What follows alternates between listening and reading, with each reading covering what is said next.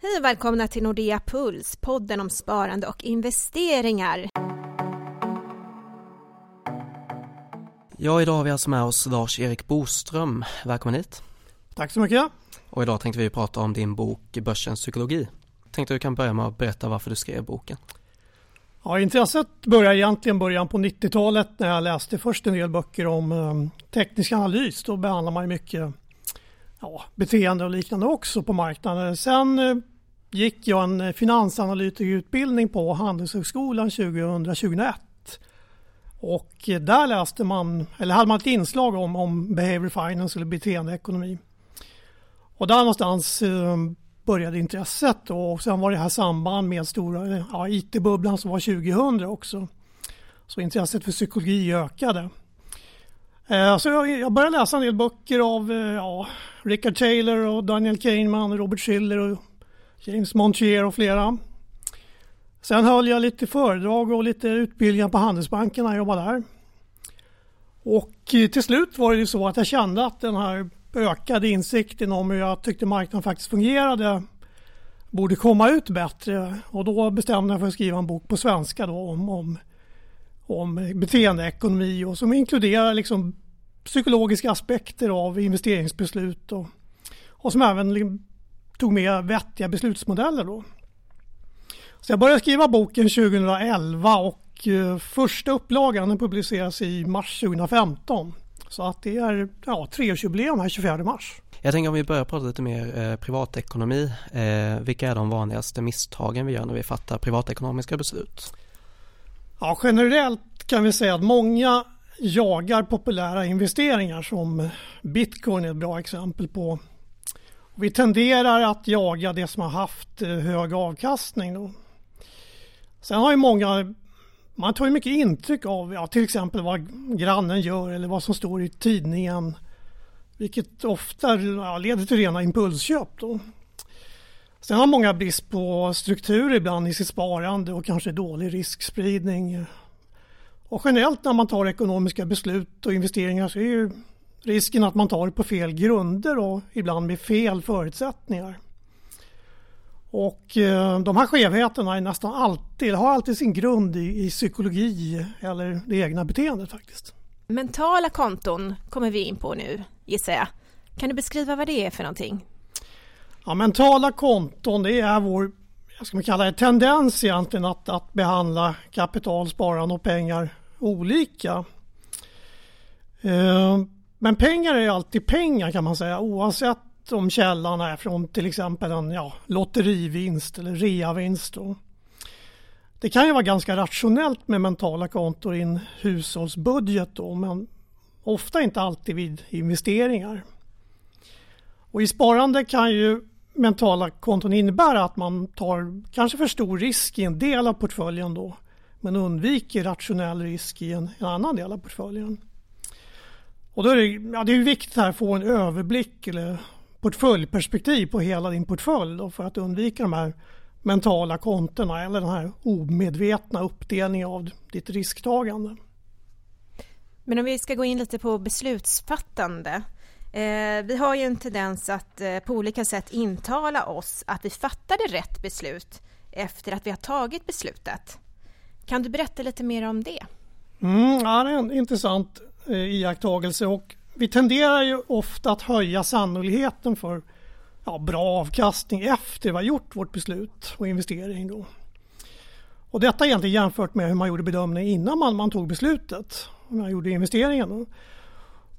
Och när vi gjort en investering vill vi man kan säga undermedvetet undvika att vi gjort ett misstag. Och då finns tendensen att vi söker oss till information som bekräftar det vi har gjort och på samma sätt eh, försöker vi undvika information som pekar på att vi har gjort fel. Och det brukar man ibland kalla på, på engelska mm, confirmation bias eller kognitiv dissonans kallas det också. Och du söker alltså dig till analyser som bekräftar det, den investering du har gjort. Då. Och egentligen undviker du då det som säger motsatsen. Och risken med det här är att man, man sitter kvar i en investering alldeles för länge. Sen är det också så, en annan aspekt av det här det är att man belönas normalt sett socialt eh, av att vara konsekvent. Är man konsekvent Och då uppfattas man kan man säga mer rationell och analytisk då. Men för investeringar och framförallt de lite mer kortsiktiga kanske man behöver släppa taget om den här konsekvensprincipen och vara lite mer följsam till hur marknaden förändras och våga ifrågasätta ditt, ditt beslut. Då. Så även fast det kan kännas konstigt att ibland eh, ändra sitt investeringsbeslut ganska snart efter du gjort ditt första köp så kan det ju faktiskt vara rationellt. Nu har du varit inne på lite olika saker där kring eh, investeringar men vad skulle du säga är det vanligaste misstaget vi gör på just börsen? Ja, rent allmänt skulle jag säga att det faktiskt är, jag tjatar om, insikt om hur mycket psykologi styr då. Både för, ja, det gäller inte både enskilda privatinvesterare och till viss del även professionella aktörer. Och även då hur mycket psykologi på marknaden påverkar. Då. För investeringar handlar mer om prissättning av en osäker framtid då, än om man ska kalla det kända beräkningsbara risker eller riskmått. Då. För så fort börsen går ner då talar alla om att det bara är psykologi ibland. Men när den går upp då talar man aldrig om psykologi. Då är det fundamenta som styr. Men psykologi påverkar ju faktiskt båda hållen, både uppgång och nedgång. Och det glömmer man ofta bort. Då. Och den viktigaste anledningen till, till att man får sämre avkastning för lite mer aktiva investerare det är faktiskt det egna beteendet. Då. Och det är ibland viktigare än både en, en kostnader och avgiftsnivåer i fonder. Och i USA har man ju faktiskt uppmätt då det man kallar ett negativt beteendegap för aktiva investerare. Och det är som deras egna investerare som påverkar mer och en stor anledning till att man, man har en dålig avkastning. Så många investerare borde kanske gå till en börspsykolog. Och vad har då börspsykologi för påverkan? Dels när det råder optimism på marknaden och när det råder pessimism. Ja, det är en intressant iakttagelse. Det har en enorm påverkan då eftersom optimism och pessimism har sin grund i hur vi ja, bedömer och tolkar vår omgivning och ser på framtiden. Vi är, alldeles, är väldigt påverkade av den psykologiska miljö vi är inne i. Och just i de här optimistiska perioderna då sänker vi garden vi upplever ju att risken är låg, börser går bra. Vi lånar mer, ekonomin är stark. Det är positiva tidningsrubriker och vi köper också på oss mer aktier. Och motsatsen är, gäller vid pessimistiska perioder då vi ser risk överallt. Vi blir väldigt försiktiga. Många kanske tar mindre lån, amorterar. Ekonomin går lite sämre. Negativa tidningsrubriker och vi tenderar ibland då att sälja investeringar eller aktier normalt sett då, nära botten i panik. Och det svåra ska jag säga det här, det, det är att de flesta kan liksom inte förutspå framtida känslor. Som kan låta lite diffust då, men, men eh, som exempel den pessimistiska känslan som rådde då i början på 2009. Att den skulle vara borta ett och ett halvt år senare. Det trodde man inte då. Eller ta till exempel den här euforiska känslan sommaren 2007 då, att den skulle bytas till pessimism och besvikelser hösten 2008. Och här är det ganska intressant. Det är en skillnad i hur vi upplever risk och hur risken på aktiemarknaden faktiskt förändras. Och det kan man, man kan säga så att efter långa perioder av optimism och stigande börser och liknande då tycker vi att risken att investera i aktier är låg. Men faktum är att risken för nedgångar börjar till slut att öka. Och det motsatta gäller ju även då i nedgångar. Och det är väldigt svårt att förstå och, och eh, svårt att kunna hantera som investerare, de här motsatskänslorna som uppstår. Då. Men det är kanske en av de viktigaste insikterna man kan ta med sig just i, i investeringen. Den här upplevda risken kontra marknadsrisken. Då. Vad är din syn på den effektiva marknadshypotesen? Ja, eh, jag kan väl tycka att det är lite grann en, en mer teoretisk eller akademisk konstruktion om hur det borde fungera om alla investerare är rationella. Eh, den har ju också några antaganden som, som, som inte riktigt beskriver hur marknaden fungerar skulle jag vilja säga. Eh, marknaden kan vara rätt effektiv till exempel vad gäller prissättning av bolag. Då.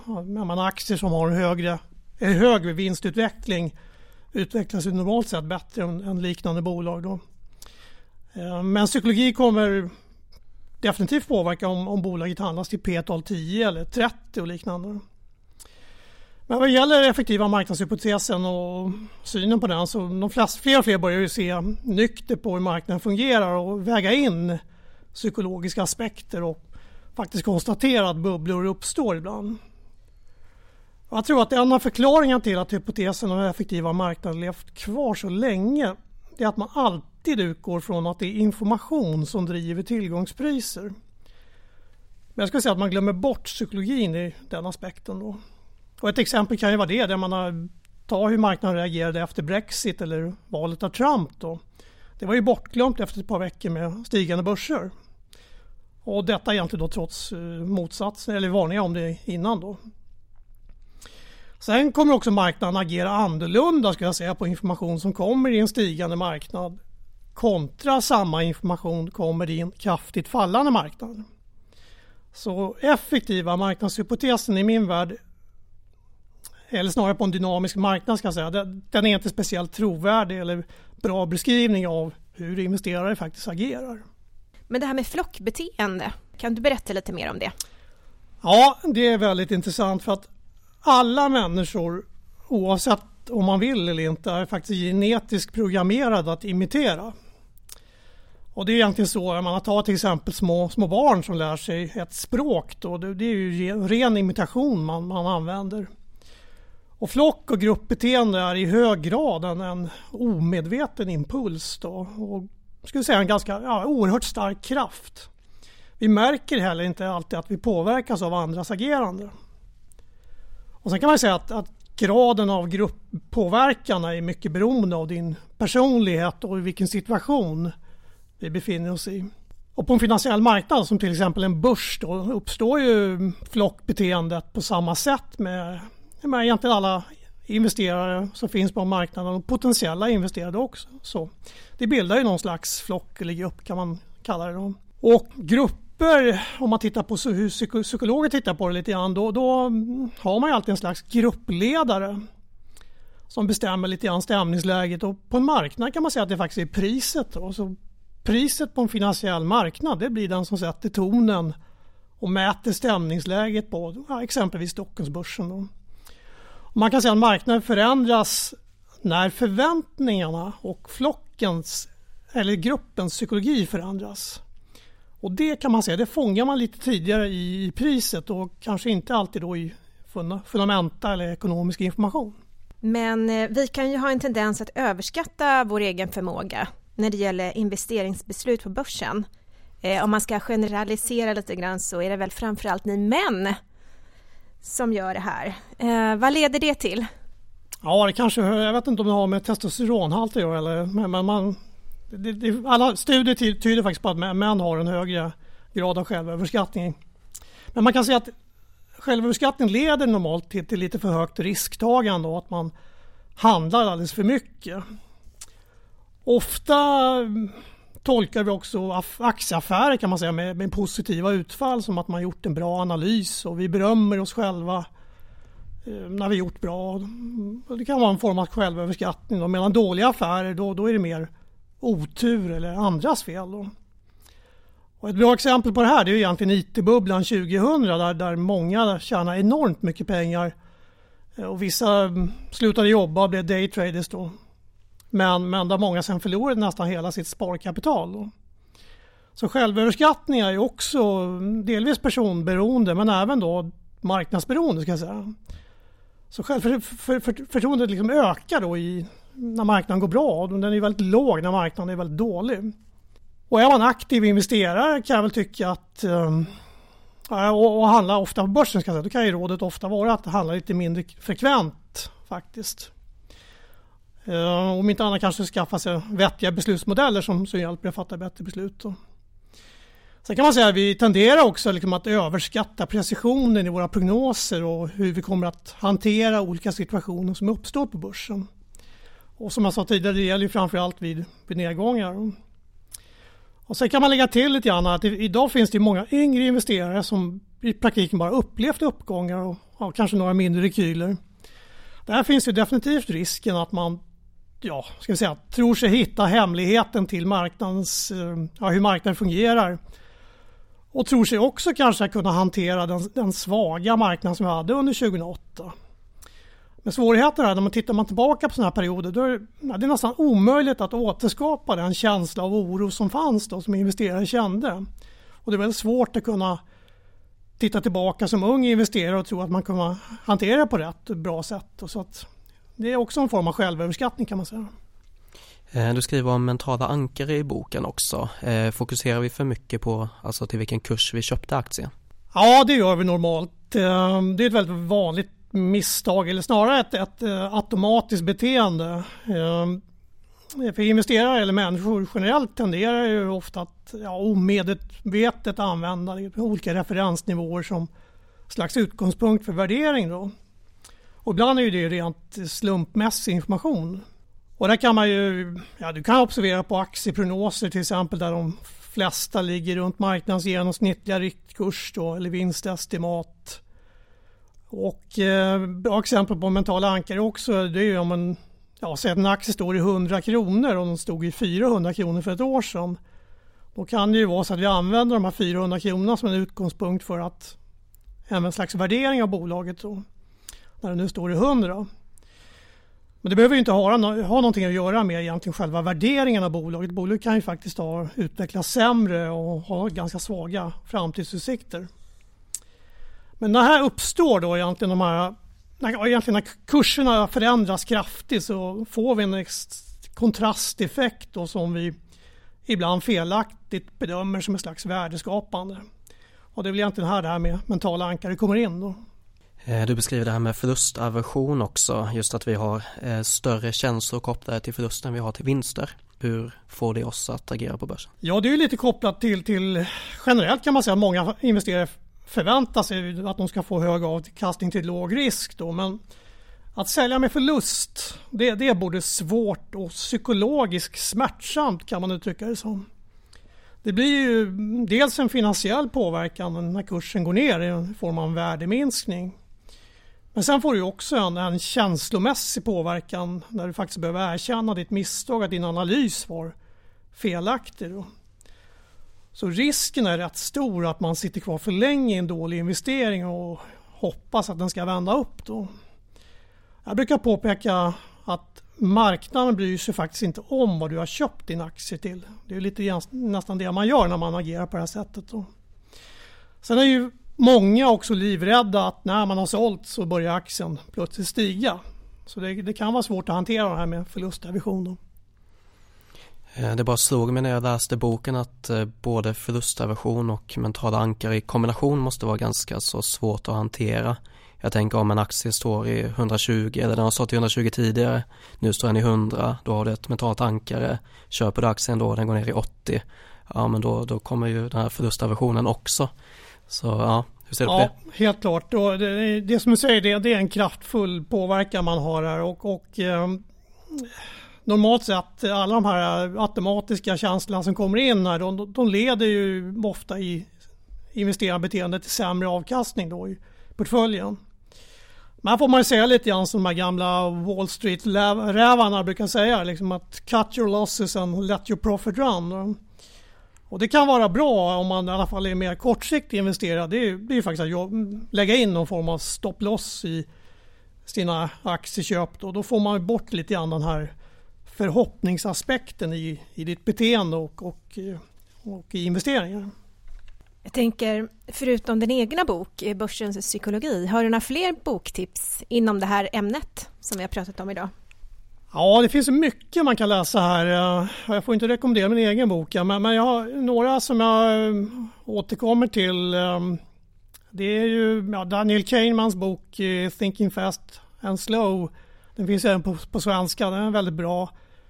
Det handlar inte så mycket om finansiella marknader utan mer egentligen beteenden. En lite mer sån här kompakt bok Um, James Montiers Little Book of Behavioral Investing. Sen tycker jag även att uh, Nassim Talabs bok The Black Swan är bra. Den är ju inte bara behavior finance men pratar mycket om, om modeller och sannolikheter och liknande som jag tycker är jätteintressant. Bra boktips. Eh, men om du skulle sammanfatta din egna bok då? Vad skulle du säga är de tre viktigaste lärdomarna att ta med sig från boken? Ja, eh, först ska jag vilja flika in kanske här, för jag tycker i en sån diskussion kring hur man agerar som investerare och utifrån beteendeekonomi, då blir fokus väldigt mycket på misstag och feltolkningar och hjärnspöken.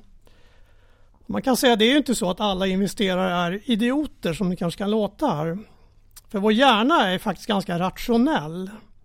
Men rationell utifrån fokus på överlevnad som vi har gjort i 10 000 år. Hjärnan är inte optimalt konstruerad för att göra, eller alltid göra smarta investeringar. Men, med det sagt i alla fall så tre snabba lärdomar eller sammanfattningar kan man säga nummer ett är börspsykologi då att marknader och investeringar handlar till mycket stor del om individer och gruppers psykologiska samspel och dynamik. Det måste man ha med sig i synsättet på marknader. Och nummer två, två kan jag tycka det som vi pratade om tidigare då, att upplevd risk kontra marknadsrisk då hänger inte alltid ihop. Efter långa uppgångar eller nedgångar på börsen då, då är det faktiskt med stor sannolikhet så att det korrekta beslutet att agera är ofta precis tvärt vad du känner. Sen nummer tre, kanske lite sammanfattning, man kallar det förutsättningar för lyckade investeringar. Det, det, kräver egentligen lite självinsikt och klokskap, vettig strategi, perspektiv och, och framförallt kanske investeringsdisciplin. Men har man svårt att komma till skott och tycker det här är svårt och vi gör det lite enklare, då, då är faktiskt rådet att träffa en personlig rådgivare eller använda en robotrådgivare för, för en del av sitt sparande. Det är väl ungefär de tre sakerna. Jättebra tips och ett väldigt intressant ämne. Vi får tacka så mycket för att du kom hit idag. Tack så mycket. Ja, men det var ju väldigt intressant att, att få höra lite kring det här med ekonomi och psykologi och, och beteende. Ja, men det var det ju verkligen. Men du, eh, det här var ditt sista avsnitt Ludvig. Ja men det stämmer ju faktiskt, det här är ju mitt sista avsnitt. Men det har ju varit väldigt roligt att få göra en podd, det har varit helt fantastiskt. Ja men bara att få träffa så många duktiga människor och prata om ett ämne som jag verkligen brinner för. Och vi har ju haft väldigt många intressanta gäster, vi har haft sparekonomer, VDR, fondförvaltare, författare. Så eh, ja, det var väldigt kul att få göra det här ihop med dig Erika. Det har varit jättekul att få att göra det här med dig Ludvig och jag kommer sakna dig supermycket. Men jag kommer försöka göra så gott jag kan och köra vidare på det här konceptet och med den här podden. Men en sak som kommer, eh, förutom att du inte är här såklart, så kommer vi ha ett nytt namn för podden. Den kommer heta Sparpepp istället. Ni som prenumererar behöver inte göra någonting, eh, bara fortsätt prenumerera så kommer ni få nya avsnitt som tidigare. Men eh, mejladressen har ju också ändrats, sparpepp.nordea.se. Så har ni några idéer eller feedback eller tips på gäster så får ni jättegärna mejla hit. Och då får jag ju tacka för mig och tacka för att ni har lyssnat idag. Ja, och tack så hemskt mycket Ludvig och jag vill bara önska dig all lycka till på dina nya utmaningar här i livet. Tack så mycket.